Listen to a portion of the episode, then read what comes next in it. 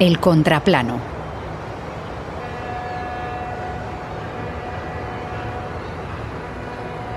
Bishinjam, región situada en la costa del extremo sur de la India.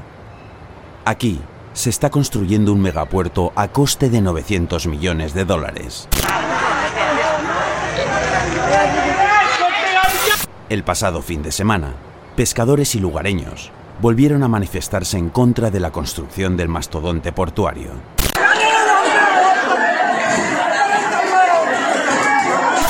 El resultado, decenas de personas detenidas y 80 personas heridas, 36 de ellas policías.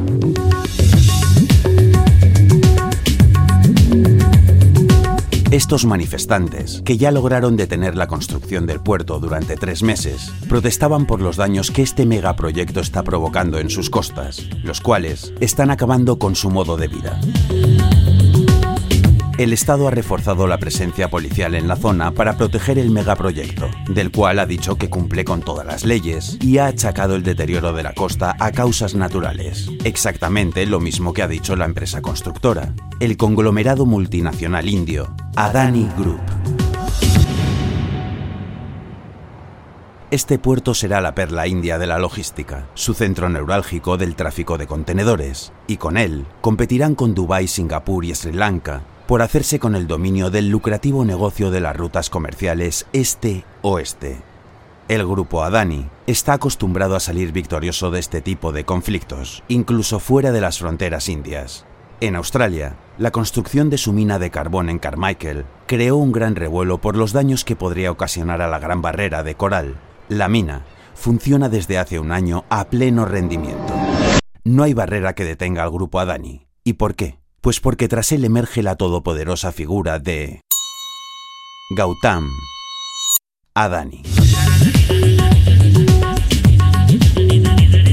Él es el hombre que ha roto el blanco piel del top 5 de las personas más ricas del mundo. En los últimos meses, su fortuna se ha disparado llegando a colocarse en el segundo puesto de la lista Forbes de multimillonarios, solo por detrás de Elon Musk y mirando por el retrovisor a gente como Jeff Bezos o Bill Gates.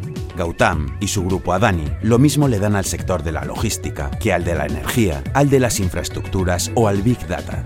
Su don como lince de los negocios, unido a sus lazos con el poder, en concreto con Narendra Modi, primer ministro indio, han hecho que a diferencia de lo que les ha pasado a sus compañeros de la selecta lista de los cinco más ricos, la guerra de Ucrania no haya mermado su fortuna, sino todo lo contrario.